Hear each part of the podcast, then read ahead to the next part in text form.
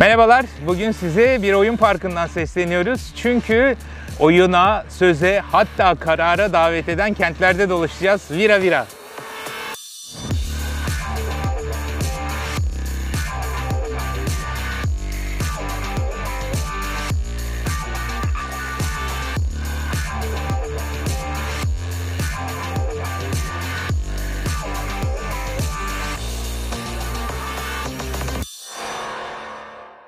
Merhabalar, Kültürhane Kent Rasathanesi'ndesiniz. Ben Ulaş Bayraktar, vizörde yine Yahya Kuriş var. Bugün yine Şubat'a yakışmayacak güneşli bir havada Mersin sahilindeki bir oyun parkından sesleniyoruz size. Çünkü bugün birazcık oyundan bahsedeceğiz. Belediye, belediyelerin karara yönelik olarak kurduğu oyunlardan, oyun şeklindeki kararlardan yani katılımcı belediyecilik tecrübelerinde dolaşacağız. Burada seçmemizin sebebi de tabelada görüyorsunuz Büyükşehir Belediyesi'nin bir uygulaması bazı oyun parklarının isimlerinin çocukların koymasını istiyor Büyükşehir Belediye Başkanı Vahap Seçer ve 1 Nisan'a kadar isimsiz parkların isimlendirilmesi için çocuklara bir davette bulundu. 1 Nisan'a kadar çocuklar mahallelerindeki ya da gittikleri parkların e, isimlerine dair önerilerde bulunacaklar. Bu parklar üzerine konuşacağımız çok şey var aslında. Hep böyle aklımda yani bu çocuk parklarının çocukların e, fiziksel, bilişsel gelişimine ne derece katkı verdiği hep kafamda bir soru işareti. İleride bunu da konuşuruz. Ama bugün birazcık bunun katılımcı boyutunu konuşacağız. Çünkü katılımcı belediyecilik çok gündemde. Ama bu hep birazcık netameli bir konu. Çünkü katılım dediğimizde neye katıldığımız büyük önem taşıyor. İki anlamda önem taşıyor. Birincisi hangi düzeyde bir katılımdan bahsediyoruz? Yani e, oradaki karar bu, buranın isminin çocuklar tarafından ya da başka yerlerin halk tarafından verilmesi ne kadar büyük bir demokratik kazanım getiriyor veya e, daha büyük ölçekte kararlara vatandaşların katılımına ne kadar izin veriliyor bir soru işareti. E, burada önemli olan o katılımın ne kadar belirleyici olduğu yani halka sorulduğu zaman o e, paylaşılan görüş ne kadar dikkate alınıyor bu birinci boyutu. İkinci boyutu da bunun hangi karara katılma davet olduğu. Yani şimdi bu parkın adını koymak evet yani çocukların istediği ismin e, verilmesi bir karar, nihayete kavuşan bir karar, belirleyici bir karar. Ama bu yaşadığımız kent açısından ne kadar büyük bir anlam ifade ediyor? Buna dair soru işaretlerimiz baki. Önemli olan planlama aşamasında önemli olan bütçe aşamasında e, söz sahibi olmak yani ana ana politikaları belirlemek. Bu bütçe hikayesi önemli. Bunun için Prag'a gidelim isterseniz. Prag'da buradaki oyun parkının bir katılımı var. Orada da katılımı bir oyuna dönüştürmüş. Çünkü Prag bu pandemi sırasında yani 2021 bütçesinde 9,5 milyar kronluk bir açık var ve vatandaşlara bu açığı nereden karşılayalım diye bir oyun e, sunmuş. E, koyuyorum görselini buraya ve siz vatandaş olarak bu 9,5 milyarlık açığı nereden karşılamamız gerektiğine dair e, karar veriyorsunuz. İşte efendim belediye personelinin maaşından mı indirelim, e, otobüs biletlerine ya da işte vergilere mi zam yapalım, bir takım metro projelerinden mi vazgeçelim, peyzaj yatırımlarından mı vazgeçelim? Buna dair siz oradan seçerek bu açığı kapatmaya çalışıyorsunuz. Aslında amaç tabii ki en sonunda belediye şunu vaat ediyor. Biz elimizden geldiğince bu açığı hibeyle, borçla halletmeye çalışacağız. Ama durumun vehametini görmeleri açısından böyle bir simülasyona gitmiş e, Prag. Sadece bu da değil, e, City Visor, e, vizör e, artık e, Çekçe nasıl söyleniyorsa bir uygulamayla belediye bütçesini anlaşılabilir bir şeffaflığa taşımış. Yani belediyenin hangi iş için, hangi yatırım için, hangi e, kalem için ne kadar harcadığını anlık olarak görebiliyorsunuz. İşte bir proje için ne kadar harcandı, ne kadar maaş verildi, ne kadar borç alındı tek de anlaşılabiliyor bu. Bu çok önemli çünkü Türkiye'de de var. Siz de rastlamışsınızdır. Bir takım belediyeler gelir giderleri böyle dijital panolarla afişe ediyorlar. Fakat orada çok ana unsurları görüyoruz sadece. Geliri ne kadar, gideri ne kadar. Çok basit bir şeydi ama onun altında esas bütçeyi belirleyen kararları göremiyoruz. Görsek bile hadi diyelim belediyenin o teknik bütçesine gittiğimizde de o karmaşıklık yani teknik yasal karmaşıklık onu anlamamızı hayli güçleştiriyor. Dolayısıyla sıradan vatandaş vatandaş olarak aslında belediyelerin kamu gelirlerini, e, kamu kaynaklarını neye, neden, nasıl harcadıklarını anlamamız güçleşiyor. Bu Prag'daki açık bütçe yani Stivizer projesiyle siz belediyenizin neye ne kadar yap, e, yatırım yaptığını çok anlaşılır bir şekilde takip edebiliyorsunuz. Çünkü katılımın en önemli bileşenlerinden biri bilgi sahibi olmak. Bilgi sahibi olmadan hem haberdar olmak anlamında hem de bu işin teknik boyutlarını idrak etmek anlamında çok önemli. Tabii bütçe deyince ilk akla gelen katılımcı bütçe ve Porto Alegre e, bütün dünyada referans verilen ve bu uygulamanın ana vatanı olan Porto Alegre'de 1989'da başlamıştı hatırlarsınız. Lula'nın İşçi Partisi o zaman muhalefetteydi. Porto Alegre'den daha sonra diğer kentlere de yayılan ölçekte katılımcı bütçe uygulamasını hayata geçirdiler. Ondan sonra bütün dünyaya yayıldı. Bu katılımcı bütçenin mantığı o bir sene sonraki belediye bütçesinin önemli bir kısmı %25'e kadar olan bir kısmı bir takım katılım mekanizmalarıyla e, şekilleniyordu. İki tür katılım mekanizması var. Birincisi 16 tane bölgeye bölünmüştü Porto Alegre. O mahallelerdeki oluşan birliktelikler ve onların temsilcileri oradan çıkan projeleri değerlendiriyordu. Fikirleri değerlendiriyordu ve en nihayetinde bu Porto Alegre'nin genel bütçesine yansıyordu.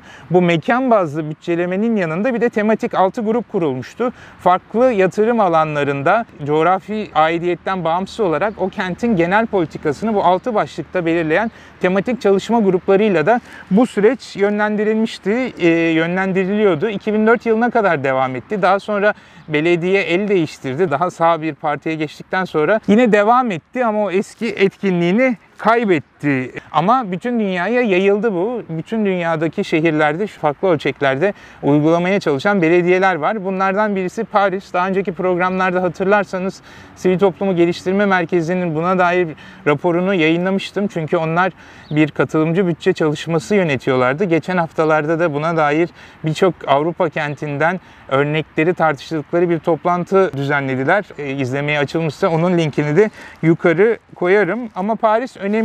Çünkü Paris'te 2014'ten beri yani katılımcı bütçeye geçildiğinden beri yaklaşık 2675 tane proje bu katılımcı bütçe uygulaması neticesinde belirlendi ve hayata geçirildi. Görüyorsunuz e, haritada da koydum. Bütün Paris'te e, çok farklı alanlarda projeler bu katılımcı mekanizma süreç sonunda hayata geçirildi. O zaman da konuşmuştuk. Sistem proje önerileriyle başlıyor. Herkes internet üzerinden kendi mahallesine dair bir proje önerisi ya da Paris'in geneline dair bir proje önerisinde bulunuyor. Bu proje önerileri daha sonra uygunluk bakımından değerlendiriliyor. Yani gerçekten de böyle bir şey belediyenin yetkisinde mi, yapılabilir mi, buna imkan var mı? Daha sonra bu uygulanabilirlik bakımından siyasal ve karma bir komite tarafından değerlendiriliyor. Yani işte orada belediyenin temsilcileri de var. İlçe belediyesinin, Paris Belediyesi'nin temsilcileri de var. Yurttaş temsilcileri de var. Onlar bu e, proje önerilerin içinden bazılarını sonunda oylamaya getiriyorlar ve en sonunda oylama yapılıyor. Oylama yine internet üzerinden veya bir takım e, sandıkların, seyyar sandıkların üzerinden halkın bu projeler arasında tercih yapmasını, bazı projeleri desteklemesi isteniyor ve oylama sonucunda seçilen projelerde dediğim gibi hayata geçiriliyor. Onların da ne kadarının hayata geçtiğini, hangisinin ne aşamada olduğuna dair bilgiler bu e, katılımcı bütçe sayfasında paylaşılıyor. Bu dediğim gibi sadece Paris'te değil birçok kentte var. Bir başka örneği daha farklı bir şekilde Berlin'in Lichtenberg e, e, ilçesinde, beldesinde hayata geçiriliyor. Orada daha farklı. Orada 13 tane küçük beldeye, mahalleye her birine 10 biner euroluk bir bütçe ayrılıyor. Dolayısıyla bir büyük Paris bütçesini belirlemek, bir kentin ana bütçesini belirlemek değil, siz mahallenize yönelik olarak 10 bin euroluk yatırımlara karar veriyorsunuz. Herkes bir takım projelerde bulunabiliyor. Bu mahalle projeleri olabilir, bir takım sokakların planlanması olabilir, oyun sahalarının, parkların güzelleştirilmesi, değiştirilmesi olabilir, bir takım eğitim e, ya da tartışma faaliyetleri olabilir, bilgilendirme faaliyetleri olabilir. Bunlar e, bu mahallenize dair bu proje teklifleri daha sonra hem belediye danışmanları tarafından hem de yurttaş jürileri tarafından karara bağlanıyor ve hayata geçiriliyor. Bunun çok daha kapsamlısı yani hem bütçeyi hem de diğer müzakere süreçlerini içeren bir uygulama Madrid'de var. Deside Madrid diye bir platform. Madrid Belediyesi yurttaşların farklı aşamalarda katılmasını hedefliyor. Bunun bir aşaması Paris'te de gördüğümüz gibi Porto Alegre'den de bildiğimiz o katılımcı bütçe uygulaması. Yani bir sene sonranın bütçesine dair e, projeler toplanıyor ve onlar Paris'tekine benzer bir süreçten geçtikten sonra hayata geçiriliyor, bütçeye dahil ediliyor. Fakat Desid Madrid'deki uygulama bununla sınırlı değil. Onlar aynı zamanda bu bütçe dışında da kentin politikalarına dair bir bilgilendirme ve müzakere, bir tartışma ortamı sunuyorlar. Yurttaş platformun içinde yurttaşların farklı sorunları tartıştığı sanal tartışma ortamları e, yapılmış durumda. Bunlardan e, bir, bir takım politika önerileri alınıyor. Bütçe olması gerekmiyor. Bunun bir fikir olarak da alınması mü- mümkün. Bu önerilerden yeteri kadar e, desteğe kavuşanlar. Buradaki destek seçmen nüfusunun yani 16 yaş üstü Madridlilerin %1'inin onayını alan proje yani bu 27.662 destekçi alan öneri belediye meclisi tarafından kabul edilmek zorunda kalıyor. Buna dair çok fazla örnek yok. İki tane önerinin bu aşamaya geldiğini öğreniyoruz. Yani vatandaş inisiyatifiyle ve vatandaşların desteğiyle belli bir olgunluğa, belli bir düzeye gelmiş öneriler doğrudan hayata geçiriliyor. Burada önemli olan bir başka nokta Desid Madrid bunu bir dijital araçla yapıyor. Konsül diye bir e, araç geliştirilmiş ve bu araç açık yazılımla bu uygulamayı kullanmak isteyen diğer kentler veya diğer örgütlerde bundan faydalanıp kendi örgütleri için, kendi kentleri için de bu katılımcı mekanizmayı hayata geçiriyor. Bildiğim kadarıyla Oy ve Ötesi Derneği de e, böylesi bu konsülü kullanarak bir dijital demokrasi platformu kurma çalışmaları içinde sabırsızlıkla bekliyoruz hayata geçmesini. Benzer bir yapı yakınlarda İzmir'de hayata geçirildi. Referandum isimli bir sayfa kuruldu. İzmir Kent Konseyi'nin desteğiyle. Buradaki işte biraz önce söylediğim gibi sadece bir bütçe katılımı değil, meclis kent yönetimine dair bilgi alma imkanı sağlıyor. Platform şöyle işliyor. Belediye meclisinin gündeminde olan yani tartışılmakta olan e, konular tasarılar çok basitleştirilerek platforma yükleniyor. Yani o ayın e, belediye meclisinin gündem maddeleri o teknik zorluklardan arındırılmış çok özet biraz fazla özet belki de e, koyuluyor ve sizden bu bu öneriyi destekleyip desteklemediğiniz soruluyor. Yani çok büyük bir tartışma değil. Sadece işte e, buna evet mi diyorsunuz, hayır mı diyorsunuz. Genelde de zaten baktığınız zaman çok fazla tartışmaya mahal vermeyen, hani çok bariz olan şeyler var. Referandum biraz daha genişletilmiş gibi gördüğüm kadarıyla İstanbul, Ankara'ya dair gündem maddeleri hatta Türkiye Büyük Millet Meclisi'ne yani Türkiye geneline dair konuların da tartışıldığı, oylandığı, oylamada evet hayır diyorsunuz. Sonra da gerekçenizi de yazabiliyorsunuz. Ya da bir takım konularda fikrinizi beyan edebildiğiniz, önerilerinizi, şikayetlerinizi iletebildiğiniz bir platforma dönmüş durumda. Tabii bunların e, aslında mazisi Türkiye'de çok yeni değil. Birkaç tane örnek var. Çanakkale mesela 2007 yılında böyle iki mahallede bir katılımcı bütçe uygulamaya başlamıştı. Sadece o mahallelerde hangi politikaların öncelikli olması gerektiğine dair sandık kuruluyor. İşte sağlık, altyapı, işte spor, kültür gibi ve size verilen oy pusulalarını o sandığa atarak elinizdeki kaynağı önceliklendiriyorsunuz. Hepsini bir sandığa da atabilirsiniz, payda edebilirsiniz. O daha sonraki yıllarda başka mahallelerde de uygulandı. Kentsel altyapı, ortak kullanım alanları, toplu taşıma, yol kaldırım, trafik, çevre veya sosyal hizmetler politika alanlarında belediyenin hangisine öncelik vermesi gerektiğini bu şekilde ifade edebiliyorsunuz. Çok fazla bilgi yok, çok fazla araştırma yok. Ne, ne ölçüde devam ettiğine dair pek bir bilgimiz de yok. Ama e, benzer bir sürecin Bursa Nilüfer'de e, mahalle komiteleri üzerinden yapıldığını biliyoruz. Oradaki mahalle komiteleri çok işleyen bir yapıydı. Kendi temsilcilerini belli kotalarla oluşturan mahalle komitelerinin bütçeye de katkı vermesi planlanıyordu. O da ne durumda? Ona dair de pek bir bilgi bulamadım. Bu 2019 seçimlerinden sonra büyük kentlerin de gündemine gelmeye başladı. Hatırlarsınız yine e, daha önceki bölümlerin birinde konuşmuştuk. Konuşmuştuk. Ankara Büyükşehir Belediyesi Mansur Yavaş e, Ankara'daki faaliyet gösteren 565 sivil toplum örgütüne 2021 bütçesi için destek istemişti, katkı istemişti. Ondan sonra bu katkılar verildi mi, ne kadar dikkate alındı buna dair e, pek bir veriye rastlayamadım. Hatta e, o ilanda bahsedilen stk.ankara.tr adresinin de çalışmadığını, erişilemediğini fark ettim. İstanbul'da bu son dönemde katılımcı uygulamaları, katılımcı bütçeyi gündemine almış gözüküyor. Ekim 2020'de kent konseyleri buluşması katılımcı bütçe temasıyla yapılmıştı ve orada Ekrem İmamoğlu e, bu bütçenin katılımcılık için çok önemli bir süreç olduğunu ve stratejik planda kullandıkları katılımcı anlayışı bütçede de kullanmaya niyetli olduğunu söylemişti. Aralık meclis toplantısında da Latin Amerika'daki sosyalist belediyecilik modelini başlatacağını ifade etti. Dolayısıyla İstanbul'da da katılımcı bütçe konusunda bir takım çalışmalar olduğunu biliyoruz. Burada tabii bu katılımcı bütçe çok çekici, çok revaçta, e, e, çok insanlar çok inanıyorlar buna ve belediye yöneticileri de kendi demokratik imajlarını desteklemek için buna olumlu yaklaşıyorlar. Fakat bunun hayata geçirilmesi o kadar kolay değil. Gördüğünüz gibi artık Porto Alegre'de de devam etmiyor. Çanakkale'de, Nilüfer'de ne durumda olduğuna dair bilgi edinemiyoruz. Çünkü aslında bu birazcık sadece bir mekanizmadan ibaret değil katılım.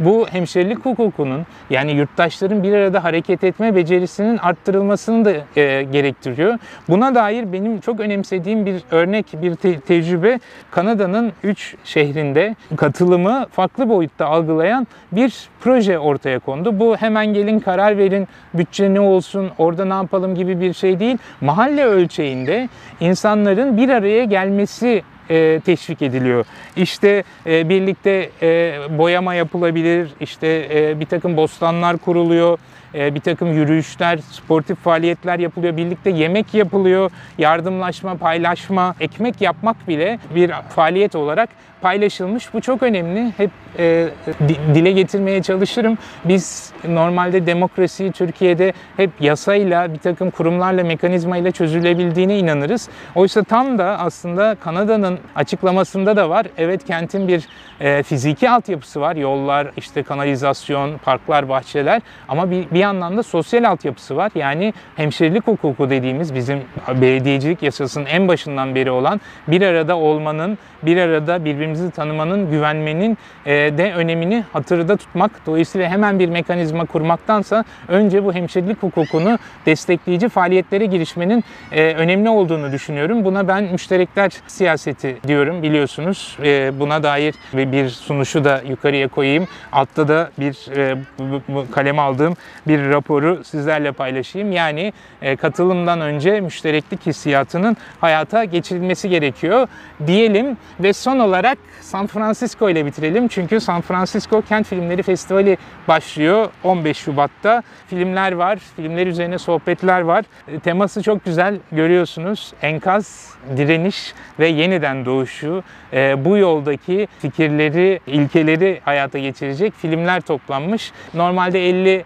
e, dolar ama e, isterseniz ücretsiz de izleyebiliyorsunuz. E, linkini aşağıya koyuyorum. Sizler de oradan kente dair bu pandemi sonrasındaki kentlere dair e, yeni yapıtları takip edebilirsiniz diyelim ve müsaadenizi isteyelim. Bu haftalıkta böyle oldu. Fredrik Ebert Stiftung Derneği ile e, desteğiyle ve Mekanda Adalet Derneği ile işbirliği içinde Nesime Karateke'nin kurgusuyla bir yayını daha bitirmiş olduk.